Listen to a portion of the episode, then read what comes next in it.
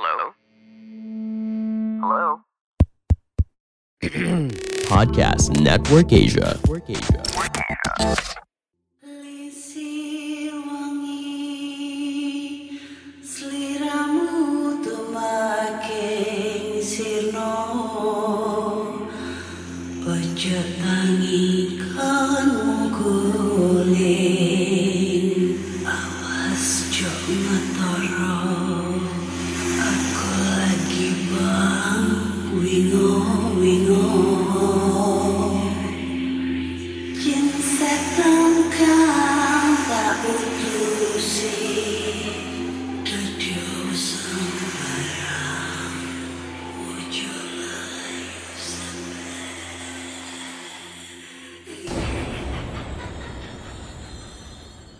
Hai Re, ya apa kabar? Ketemu lagi dengan aku si Ana di podcast kisah horor.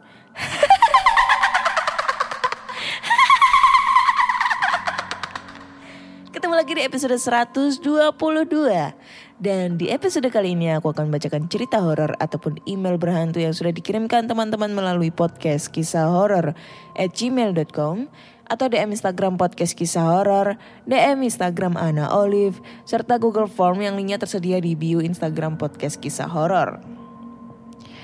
Kali ini aku akan di opening ini agak cerita sedikit ya tentang pengalaman horor aku yang baru-baru aja kemarin. Jadi hari Sabtu kemarin aku pulang eh hari Sabtu Jumat. Jumat itu aku mudik ke Jogja bersama keluarga ya. Eh, berangkatnya malam. Nah, kebetulan pas berangkat ke Jogja itu eh yang nyetir itu kakakku. Baru pulangnya ke Surabaya itu aku yang nyetir. Nah pas waktu pulang itu kebetulan kita berangkat itu sekitar jam ya jam 5 lah ya. Tapi kendala macet nih, macet di daerah Klaten dan posisinya juga lagi hujan. Sehingga baru masuk masuk tol itu sekitar jam jam 8 lah, jam 8 ya. Nah, posisinya itu di daerah Madiun atau Ngawi, aku lupa ya. Pokoknya udah nyampe udah nyampe Jawa Timur lah. Itu kan posisinya aku lagi yang nyetir nih gantian eh, per- apa pulangnya aku yang nyetir. Nah posisinya itu semua yang ada di mobil itu udah tidur. Kan aku melek sendirian. Nah daripada aku ngantuk nih ya di perjalanan, aku sambil dengerin musik nih nyanyi-nyanyi gitu kan. Pas nyampe di daerah mana ya gue lupa Ngawi apa Madiun pokoknya di situ ya udah masuk Jawa Timur itu hampir mau kecelakaan kita mbah. Nah ini masalahnya itu kecelakaannya bukan karena aku ngantuk enggak, bukan karena eh, nak mau apa ada kendala di depannya, maksudnya dalam arti ada mobil depan ngerem mendadak atau apa enggak, karena emang posisinya tol itu sepi banget. Ini kendalanya karena waktu itu aku nyetir, mungkin entah aku halu atau kayak gimana ya. Jadi pas saat aku masuk arah Ngawi, itu ada di kiri jalan itu, lagi berhenti di pinggir jalan itu, ada sosok cewek gitu kan. Ya udah tau lah itu sosok cewek itu apa gitu udah tahu banget gitu loh maksudku. So, oke aku tuh kayak ah udahlah biarin bodoh amat gitu kan. Mungkin aku halu atau kecapean gitu ya.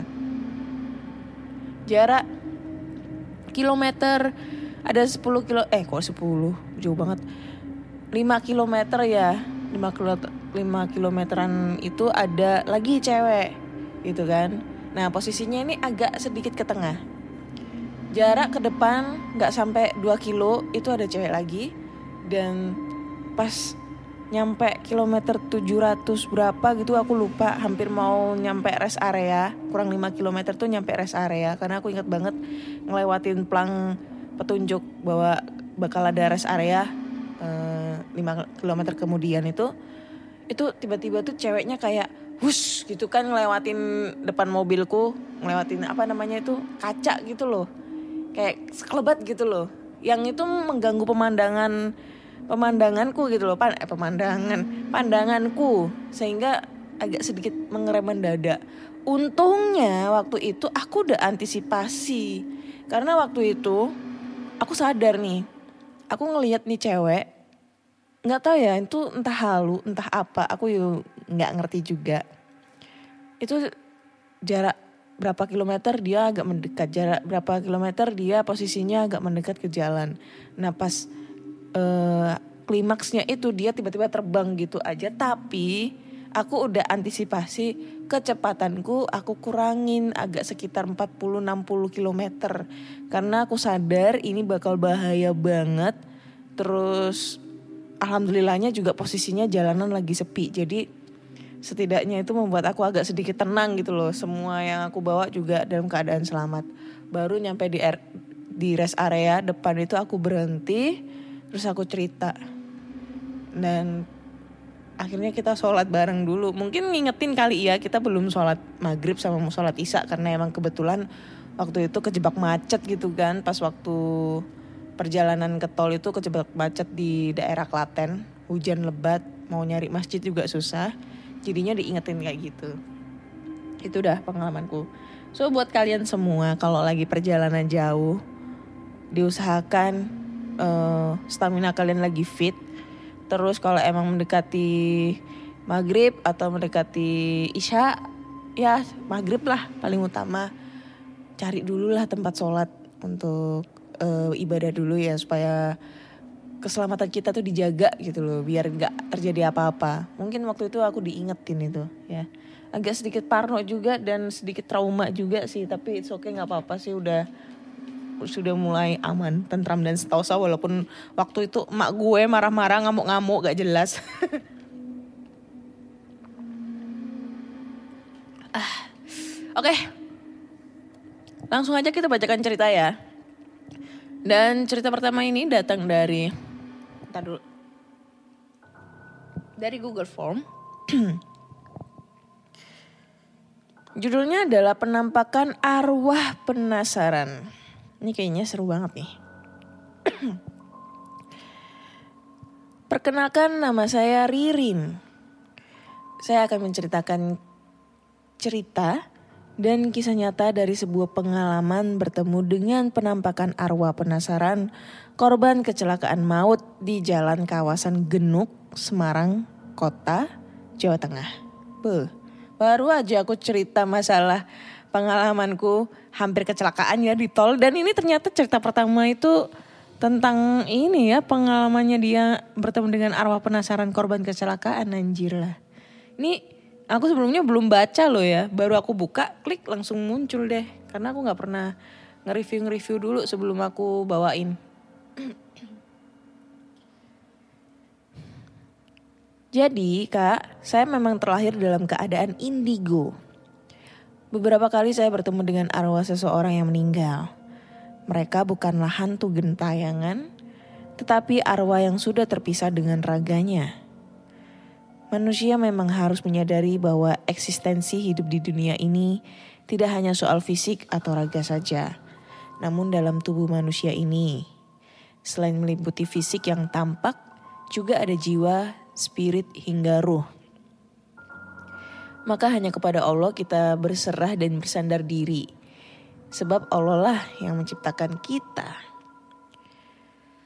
Cerita bermula ketika saya mengendarai sepeda motor dari Kabupaten Rembang melintasi, melintasi Kabupaten Pati, Kudus, Demak hingga sampai Semarang. Di sekitar Genuk, Semarang, saya melihat ada seseorang menangis terseduh-seduh di pinggiran jalan menunggui sebuah mayat yang tergeletak ditutupi koran bekas. Mayat itu dikerumuni warga setempat hingga berdesak-desakan. Saya kemudian berhenti dan ikut melihat kondisi korban. Saya bertanya kepada warga. Ternyata mayat itu adalah korban kecelakaan maut tabrak lari Seorang pria itu masih menangis tersendu-sendu. Saya melihat wajahnya benar-benar memelas, kasihan dan berharap pertolongan datang kepadanya. Saya lihat terus dan pria itu menunjukkan tasnya, tapi tidak bicara. Seperti ada koneksi batin, saya langsung membuka tasnya Dia menunjuk sebuah ponsel atau HP. HP-nya bukan smartphone, smartphone atau Android canggih seperti zaman sekarang.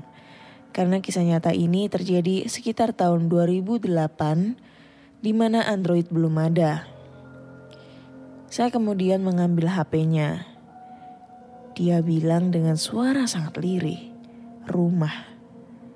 Begitu kata seorang laki-laki yang masih meneteskan air mata tersebut. Saya langsung menekan tombol kontak untuk mencari nama rumah. Setelah ketemu, saya langsung telepon. Ada suara ibu-ibu dan saya memberitahu kalau pemilik HP mengalami kecelakaan di Jalan Raya Genuk, Semarang. Ibu itu bilang akan segera pergi ke tempat kejadian perkara. Pria itu mengangguk dan memberikan isyarat supaya HP dikembalikan ke tasnya. Pria itu sepertinya menatap wajah saya dengan penuh terima kasih. Sepertinya dia adalah saudara dari mayat yang tergeletak. Dia sepertinya tidak kuat dan tidak sampai hati untuk memberitahukan kabar kematian sosok mayat yang tewas dan ditutupi koran tersebut. Dia masih syok, tertekan, dan hanya bisa menangis. Tiba-tiba, ada mobil polisi dan ambulans sampai di lokasi. Saya segera menjauh dan memperhatikan petugas ambulans mengangkat jenazah. Hal itu dilakukan setelah dilakukan olah TKP. Saat petugas membawa jenazah, koran yang semula menutupi wajah korban jatuh. Saya kaget bukan kepalang. Astagfirullahalazim. Saya menjerit kaget dan dilihat kerumunan orang banyak. Ada apa mbak? Ada apa mbak? Tanya warga. Saya tidak menjawab. Saya hanya kaget dan tertegun. Ternyata, seorang laki-laki yang duduk menangis tadi adalah arwah korban kecelakaan maut. Wajahnya sama dengan mayat yang diangkat petugas menuju ambulans. Ketika jenazah diangkut, pria itu pria tersebut ikut petugas mengawal mayat hingga masuk dalam mobil ambulans. Innalillahi. Arwah korban kecelakaan itu ternyata menunggui mayat ketika seseorang meninggal akibat kecelakaan. Dia berharap agar keluarganya segera tahu dan mendapatkan kabar perihal kematiannya. Arwah itu pun mengikuti ke mana jenazah dibawa petugas ambulans. Saya tidak menjawab pertanyaan para warga tadi setelah melihat saya menjerit kaget. Saya hanya bilang, oh tidak apa-apa pak. Itulah kak kisah nyata bertemu dengan penampakan arwah gentayangan korban kecelakaan maut. Semoga pengalaman bertemu hantu penasaran yang saya buat dalam bentuk cerita pendek ini kak bisa menjadi pembelajaran dan berhati-hati dalam berkendara di jalan. Jangan lupa selalu berdoa memohon perlindungan Allah. Terima kasih kak sudah dibacakan ceritanya. Mohon maaf jika kurang seram ceritanya. Nah, ntar dulu gue minum dulu ya. Aus banget sumpah. Hmm. Kalau menurutku sih ini serem banget ya karena aku barusan mengalami kejadian seperti ini.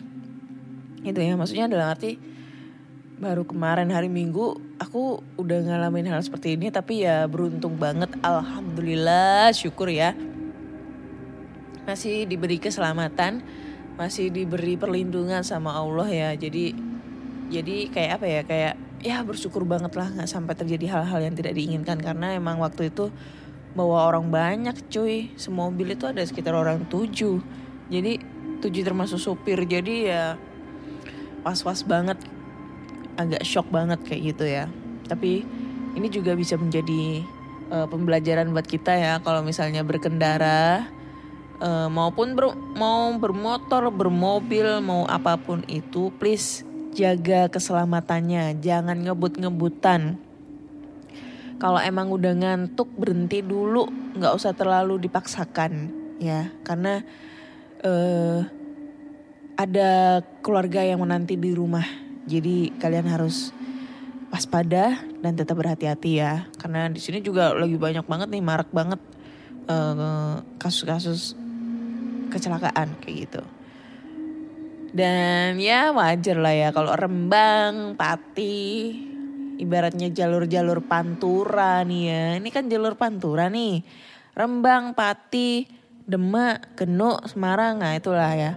Itu jalur pantura itu jalur jalur tengkorak, bisa jadi bisa dibilang jalur tengkorak kayak gitu. Udah terkenal banget, banyak banget korban-korban kecelakaan di daerah sana.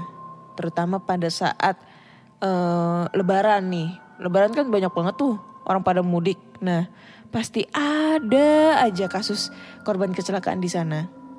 Karena satu, itu emang jalur jalur nasional ya, jalur pantura ya. Jadi truk, bis, apa pun itu lewat situ semua. Jadi harus waspada juga ya. Terus yang kedua itu, alhamdulillah.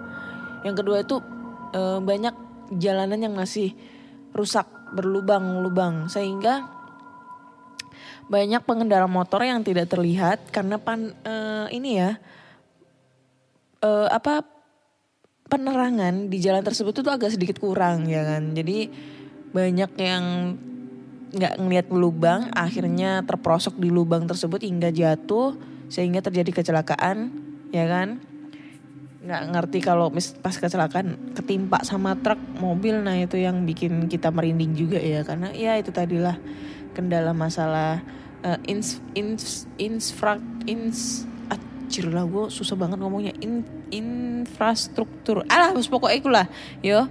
Gak ngerti aku. Pokoknya eh pengembangan untuk jalan rayanya ini sangat, sangat kurang apalagi di jalur pantura gitu. Karena aku sendiri udah pernah cuy ngelewatin ke sana. Jadi aku dulu tuh pernah explore ke Semarang sama nggak salah itu waktu itu aku mau ujian ke Semarang ya kan. Karena aku dulu kan kuliah pelayaran terus kebetulan ujianku di Semarang. Posisinya di sana aku bawa kendaraan sendiri sendirian juga karena emang posisinya teman-temanku udah selesai tinggal aku sendiri yang belum ujian. Dan pada saat aku tuh ke sana itu beh jalanan itu pada rusak semua. Nggak ada yang mulus mau naik tol juga mahal bro. Jadi mau nggak mau ya lewat bawah lah lewat lewat ini ya. Eh, nggak lewat tol kayak gitu. Bisa dibayangin lubang itu sudah nggak terhingga. Dalamnya lubang itu seberapa ya kalau misalnya macet. Dan itu yang membuat rawan kecelakaan di sana. Kayak gitu. Jadi buat kalian semua yang lagi mau mudik nih apalagi lewat jalur pantura nih ya hati-hati pokoknya hati-hati kalau bisa eh, jaga kesehatan. Kalau kalau bol kalau boleh sih nggak usah naik kendaraan sendiri. Maksudnya motor ya. Lebih baik naik kereta aja lah lebih aman ya. Kalau udah vaksin naik kereta aja lah daripada kenapa-napa. Dah dah. Pokoknya jaga jaga keselamatan. Itu aja sih. Tapi thank you banget ya buat Ririn ceritanya ini. Eh setidaknya kita itu diingatkan supaya berhati-hati dalam berkendara tuh next kita lanjut ke cerita kedua ya kamu lagi mau mengembangkan podcast kamu, tapi bingung caranya bagaimana? Mulai dari sisi performance-nya, menentukan rate konten kamu, sampai bagaimana cara memonetisasinya. Nah, coba deh cek Podmetrics. Podmetrics adalah platform yang bisa membantu kamu untuk lebih mudah melihat performa konten podcastmu. Lalu melalui Podmetrics, kamu juga bisa menentukan rate podcastmu melalui data yang tersedia serta bisa juga memonetisasi kontenmu dengan champion-champion dari brand yang cocok dengan podcastmu. Bahkan, Podmetrics juga bisa membantumu untuk mendapatkan inspirasi dalam membuat iklan pada podcastmu dengan contoh iklan yang sudah tersedia. Nggak ketinggalan juga, sekarang Podmetrics juga ada fitur Pod Earnings dengan berbagai metode pembayaran sehingga memudahkan kamu untuk mendapatkan penghasilan dari Podmetrics. Jadi, kalau kamu seorang podcaster, Pastikan kamu mendaftar Podmetrics dengan memakai Podmetrics referralku. Klik langsung aja pot link yang ada di deskripsi box dalam episode ini. Baru kali ini gue nge, apa ya eh, ngedapetin cerita tentang gunung bro, gunung. So ini judulnya adalah penumpang goib di perbatasan Gunung Rambutan. Wanjay, Gunung Rambutan itu di mana cuy? Kayaknya eh, bakal seru nih. Terus setelah sekian lama cerita gunung tidak muncul. Langsung aja kita bacakan ceritanya bro.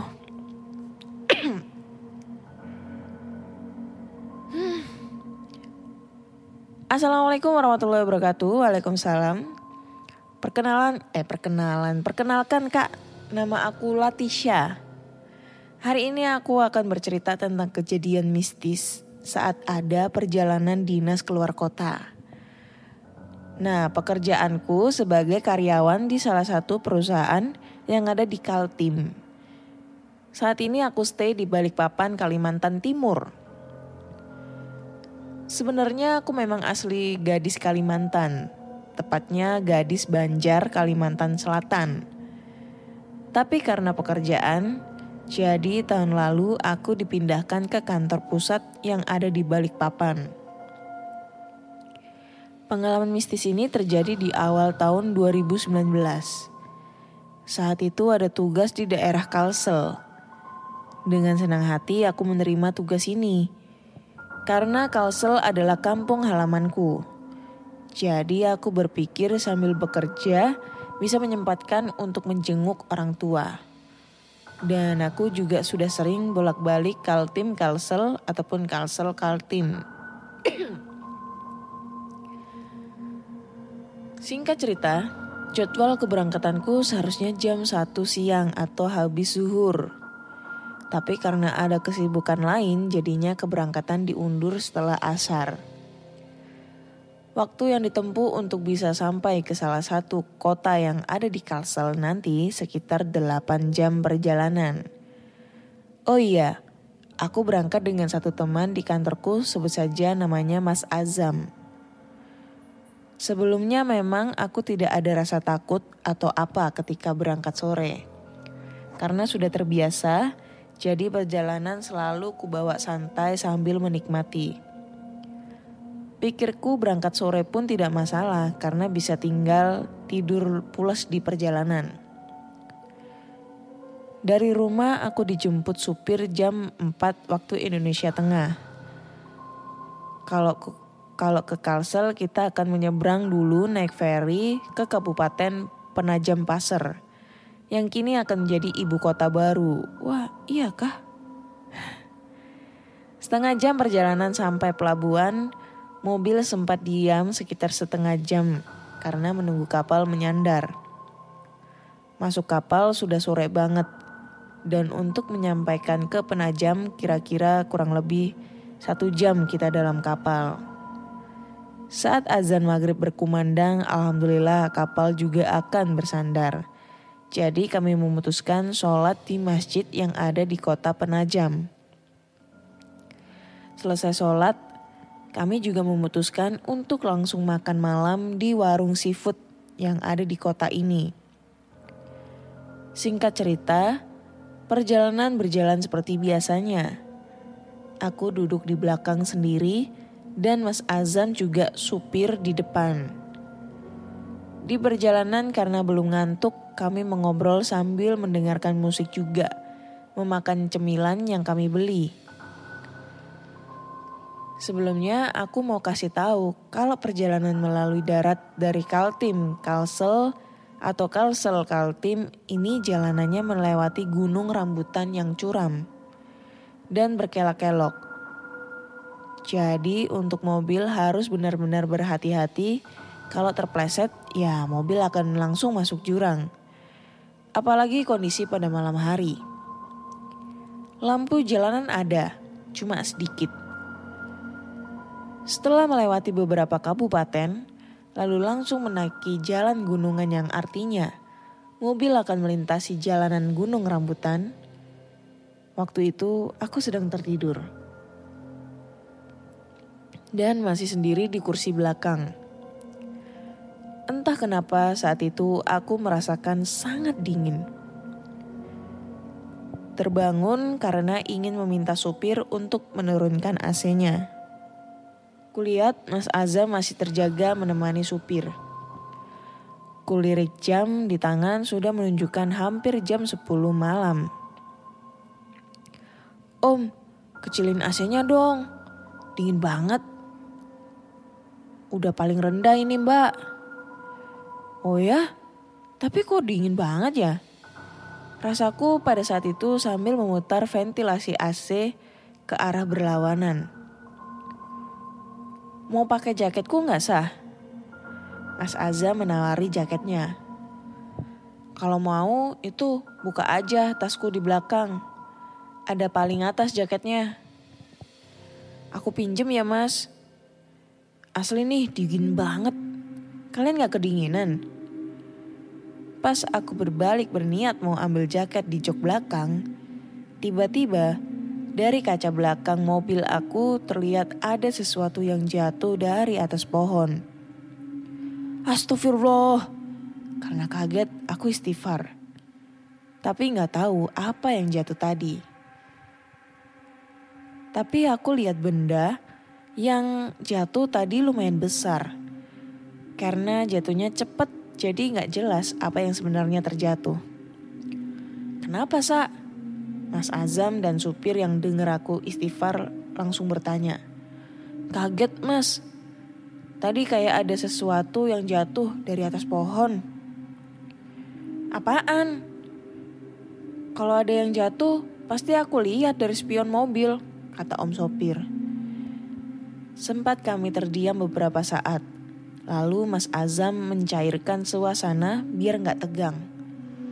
Udahlah, mungkin ranting pohon tadi yang jatuh. Iya, mungkin ranting pohon. Aku mengiyakan saja, biar suasana baik. Karena yang kulihat sebenarnya bukan seperti ranting pohon, tapi langsung kutepis pemikiran itu. Karena waktu itu aku langsung merasakan bulu kuduk berdiri. Perjalanan kita melintasi gunung masih panjang. Pada baca doa masing-masing ya. Kami langsung mengiyakan apa kata sopir. Saat itu juga aku langsung zikir dalam hati. Karena masih merasa gak enak dan merinding. Tiba-tiba mobil melaju pelan. Kenapa om? Tanyaku. Ih, ih, itu ada yang melambai di ujung jalan. Lah, mana? Mana? Mas Ajam menajamkan matanya ke arah depan.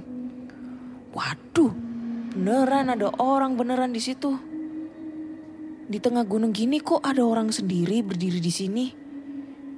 Mana sih? Aku ikut menajamkan penglihatan.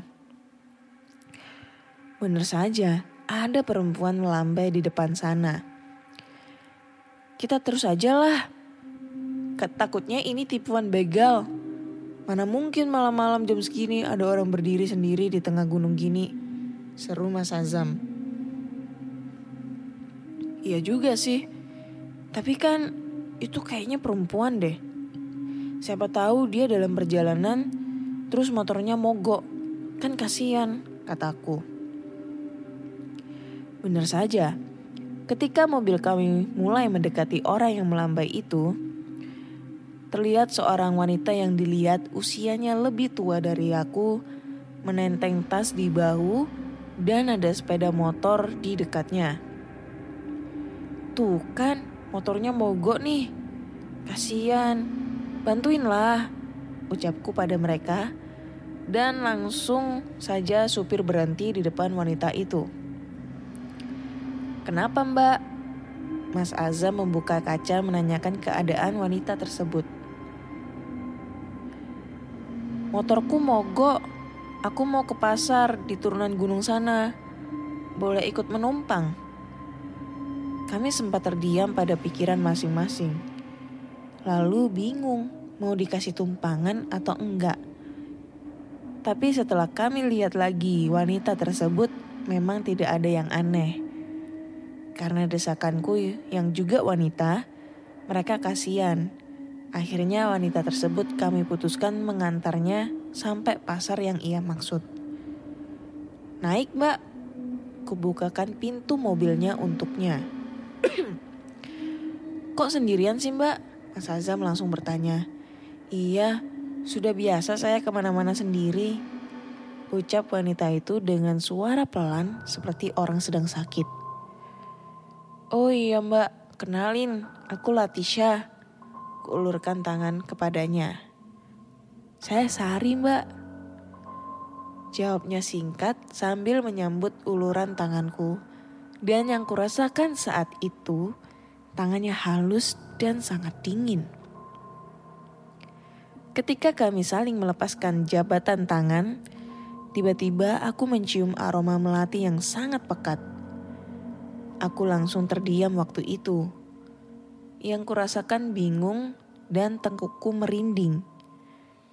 Tidak tahu dengan Mas Azam dan Om Supir apa mereka juga mencium aroma melati juga. Dan di saat itu, aku terus berzikir dan terus berdoa. Kulihat Sari hanya memandang ke depan tanpa ekspresi. Sudah berapa kali kamu menuruni gunung dan belum terlihat adanya pasar yang dimaksud oleh Sari? Eh, salah. Salah, salah. Maksudnya, sudah beberapa kali kami menuruni gunung dan belum terlihat adanya pasar yang dimaksudkan oleh Sari. Masih jauh ya mbak pasarnya? Om sopir bertanya, tapi Sari diem aja, masih tanpa ekspresi. Mbak, Mas Azam pun ikut memanggil Sari tetap tidak menjawab tanpa ekspresi. Melihat keadaan ini kami semua bingung. Aku langsung merapatkan diriku ke jendela mobil menjauhi Sari. Tiba-tiba hawa menjadi sangat dingin dan seketika kulihat Sari menengok ke arahku dengan menyeringai tersenyum sampai selebar daun telinga. Wanjir. Melihat hal itu aku langsung ketakutan berteriak. Astagfirullah, astagfirullahalazim, astagfirullahalazim.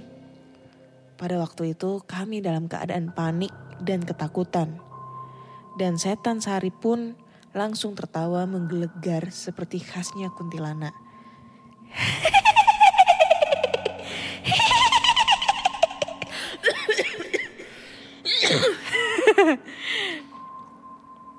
kan udah ketawa, jadi harus dipraktekkan ini guys. Entah apa yang terjadi. Saat ku buka mata, aku terbangun di sebuah rumah. Ternyata ini adalah rumah paman dari supir kami. Ternyata aku pingsan. Mungkin tidak tahan dengan kejadian mistis tadi, apalagi jarakku dengan kuntilanak sari hanya beberapa jengkal. Sah, sah, udah sadar. Ayo minum dulu. Terlihat Mas Azam dan beberapa orang begitu khawatir. Mereka adalah paman, tante, dan keponakannya Om Supir.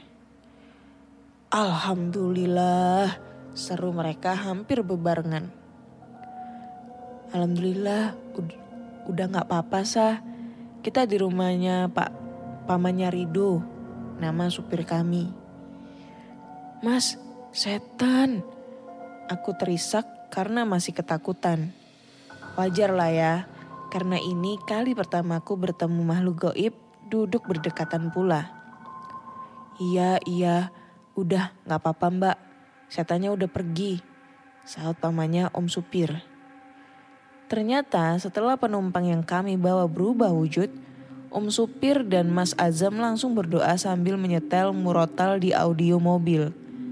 Melihat aku yang tak sadarkan diri, mereka panik dan kebetulan sudah memasuki kabupaten yang di situ ada rumahnya pamannya si supir. Mereka langsung berhenti di sana. Dengan kejadian yang sangat menakutkan ini, kami memutuskan untuk bermalam di rumah pamannya Om Supir dan melanjutkan perjalanan besok pagi. Karena ini juga aku jadinya tidak mau lagi bila ada kerjaan yang harus melintasi gunung rambutan berangkat petang dan selalu berangkat pagi biar tidak ada kejadian seperti ini lagi. Sekian kak cerita dari aku, terima kasih sudah dibacakan. Mohon maaf jika ceritanya kepanjangan dan kurang serem. Oke. Thank you banget Leticia, Leticia buat ceritanya ya. Serem menurutku agak kurang ya. Tapi it's okay lah.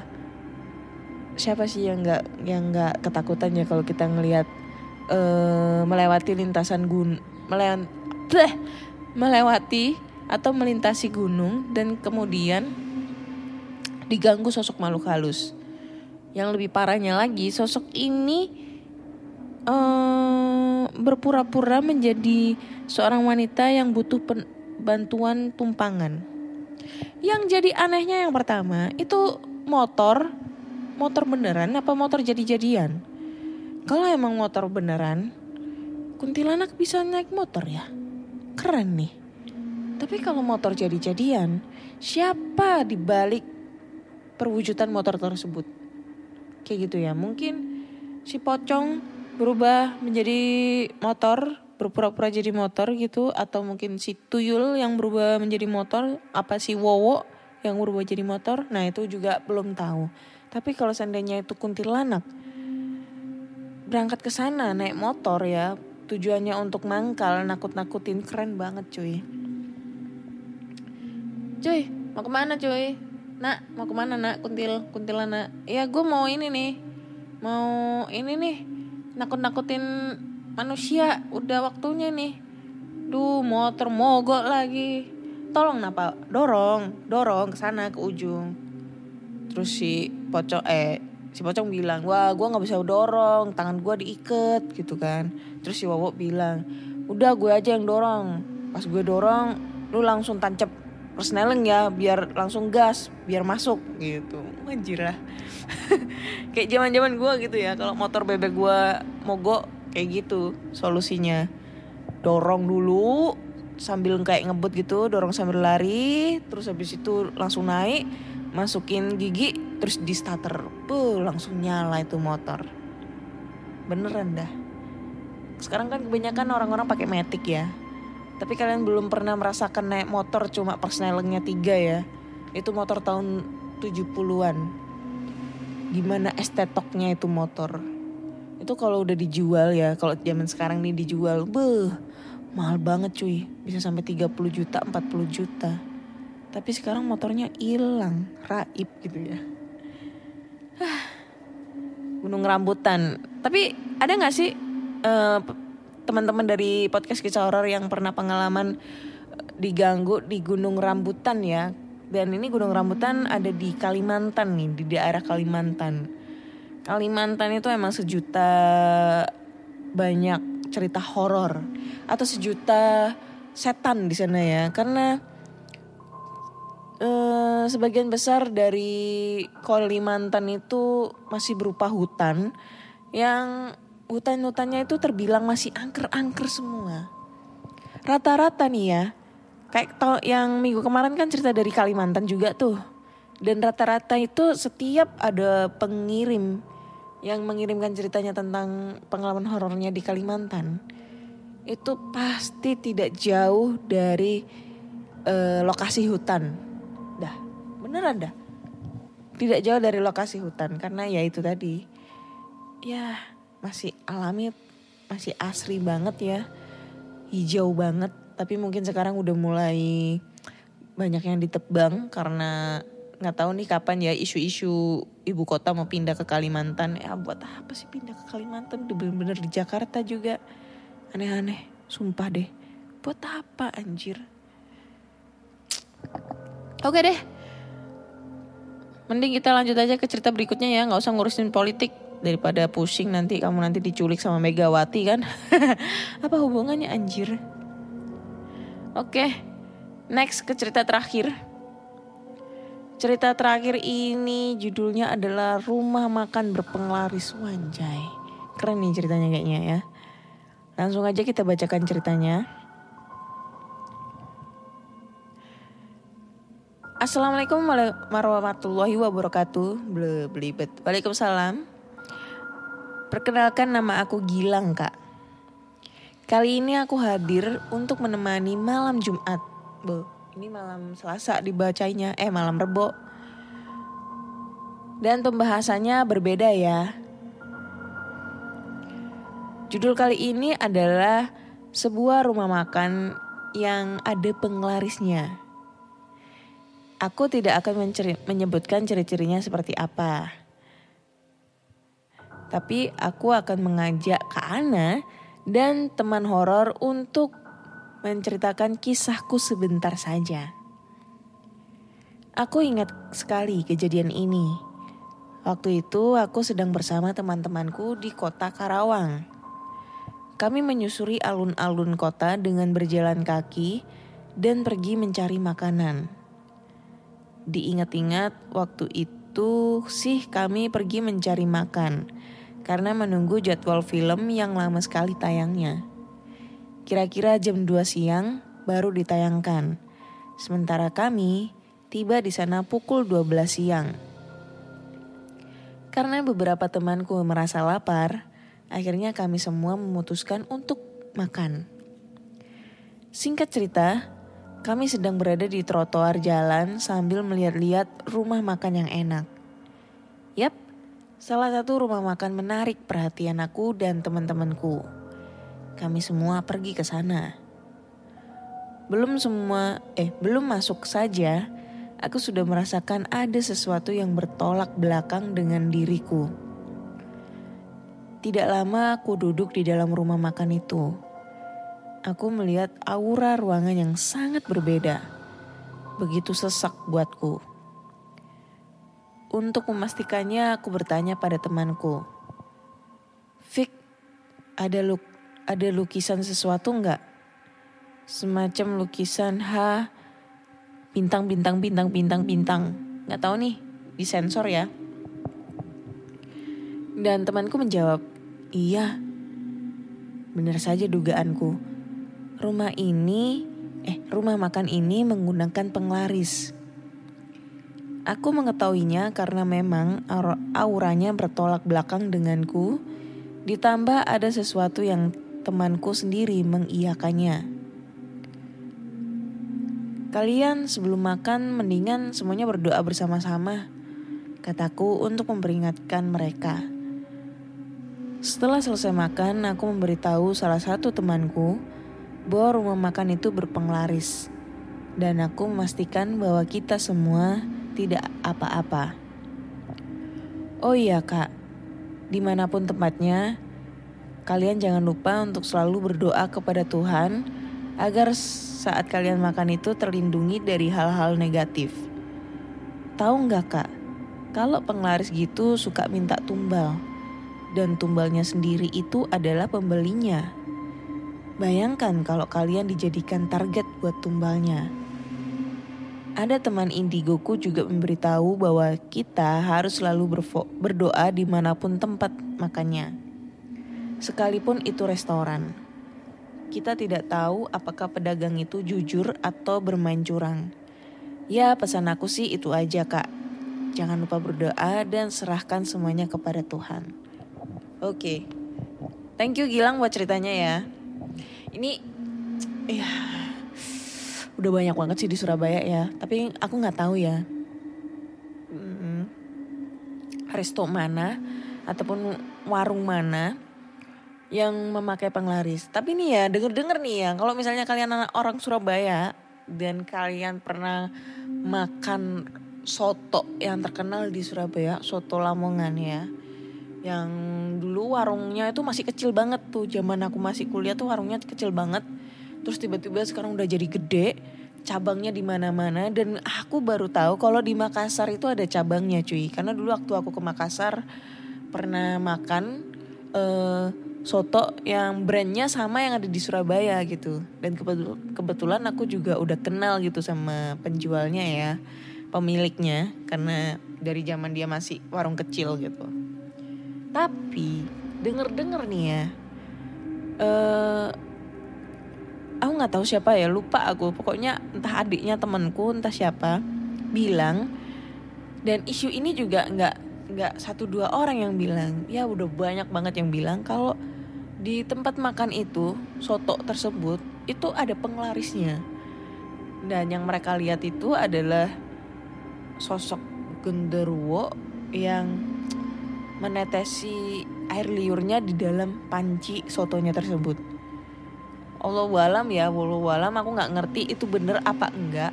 Tapi enak banget, sumpah itu soto enak banget gitu loh. Aku sampai nambah-nambah gitu kan makan di soto walaupun sekarang udah mahal banget harganya. Terus di satu sisi lain kalau kita makan soto di sana itu rebutan tulang bro. Enak banget sumpah. eh ini makan tulang. Enak banget. Dan itu selalu laris gitu loh. Lokasi tersebut tuh lar- selalu laris yang makan kebanyakan orang orang Chinese semua, orang-orang yang bermobil semua banyak banget. Dan sampai sekarang juga masih masih banyak pengunjungnya ya. Dan aku mendengar untuk warung yang berpenglaris itu nggak satu dua warung. Ada lagi satu. Ini gue nggak mau menyebutkannya, tapi mungkin teman-teman yang di Surabaya ini udah udah pada tahu. Apalagi mungkin orang yang teman-teman bukan orang Surabaya, kalau pernah ke Surabaya dan pernah mencobanya itu pasti tahu lah. Jadi ada makanan sambelan ya. Kalau kata-kata sambelan itu pasti wong Surabaya ngerti lah ya dengan di kinggone.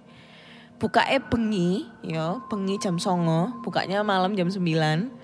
Dan lokasinya itu ada di daerah Wonokromo. Ya, bukan lain lah. Pasti pada tahu semua ya, nggak usah aku sebutin lah namanya ya. Inisialnya Y gitu aja lah. Jadi ini denger-dengar ya isu berisu katanya eh, warung ini tuh ada penglarisnya. Secara logikanya ya, ini lokasinya agak kurang terstrategis. Lokasinya itu ada di pinggir pasar, tapi tempatnya kumuh banget, kumuh. di pinggir jalan gitu, kumuh banget, banyak sampah-sampah.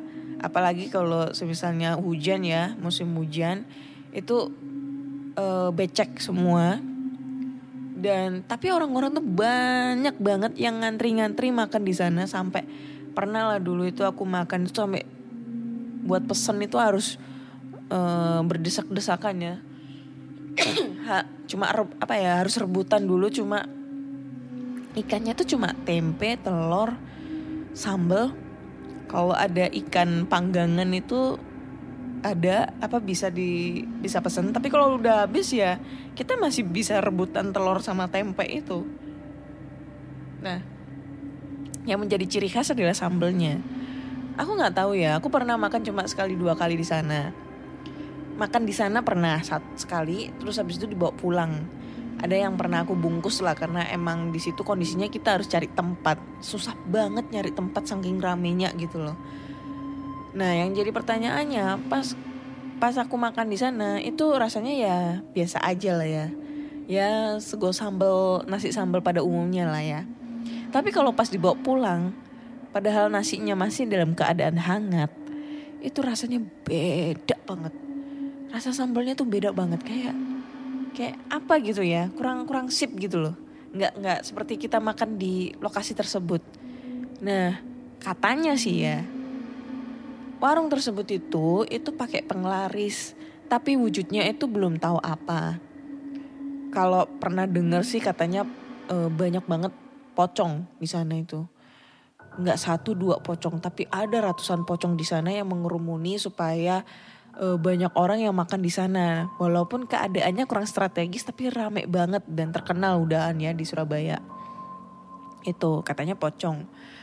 Terus ya itu salah satu efeknya katanya. Kalau misalnya kita makan di sana itu berasa enak banget. Tapi kalau misalnya udah dibawa pulang itu rasanya nggak enak. Yaitu eh, ibaratnya itu cara kerjanya kayak gitu gitu loh. Cara kerjanya penglarisnya kayak gitu. Jadi kalau kita makan di sana itu enak banget jadi biar kita nambah-nambah gitu ya. Tapi kalau udah dibawa pulang khasiatnya eh, maksudnya eh, khasiat dari penglarisnya itu berkurang atau mungkin nggak ada.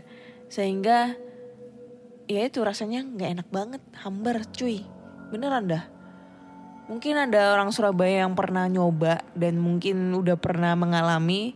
Silahkan cerita-cerita ya di podcast kisah horor kita membuka lebar tentang cerita penglaris di warung di kota Surabaya. Banyak banget sih. Aku juga nggak bisa nyebutin satu-satu ya karena aku sendiri juga nggak bisa ngeliat ngeliat sosok. Cuma ya kadang diceritain dicerita-ceritain orang dari mulut ke mulut. Mau bener mau enggak ya nggak tahu. Yang penting makan ya makan enak banget. Apalagi kalau ditraktir juga enak banget gitu loh Siapa tahu ada endorse makanan yang masuk-masuk ke dalam podcast kisah horor kita terima dengan baik hati ya walaupun followers Instagram itu nggak banyak tapi setidaknya podcast kisah horor itu udah selalu selalu masuk top chart Spotify. Wanjay, pamer anjir ceritanya. Iya karena lagi menurun ini. Kayak gitu deh. Oke, terus terima kasih lah eh, sudah mendengarkan podcast kisah horor sampai sekarang. Kayaknya udah cukup lah ceritanya ya. Udah tiga cerita yang aku bacain. So buat teman-teman semua yang pengen kirim-kirim cerita, langsung aja kirim ceritanya ke podcast kisah horor at gmail.com ataupun DM Instagram podcast kisah horor, DM Instagram Ana Olive, serta Google Form yang linknya tersedia di bio Instagram podcast kisah horor. Jangan lupa follow Instagramnya podcast kisah horor sama follow podcast kisah horor di Spotify agar kalian selalu update cerita horor terbaru. Sudah 50 menit Ana menemani kalian semua. Akhirnya Ana undur diri. Dinantikan cerita-cerita horor berikutnya dan sampai jumpa. Pandangan dan opini yang disampaikan oleh kreator podcast, host, dan tamu tidak mencerminkan kebijakan resmi dan bagian dari podcast Network Asia. Setiap konten yang disampaikan mereka di dalam podcast adalah opini mereka sendiri dan tidak bermaksud untuk merugikan agama, grup etnik, perkumpulan, organisasi, perusahaan, perorangan, atau siapa pun dan apa pun.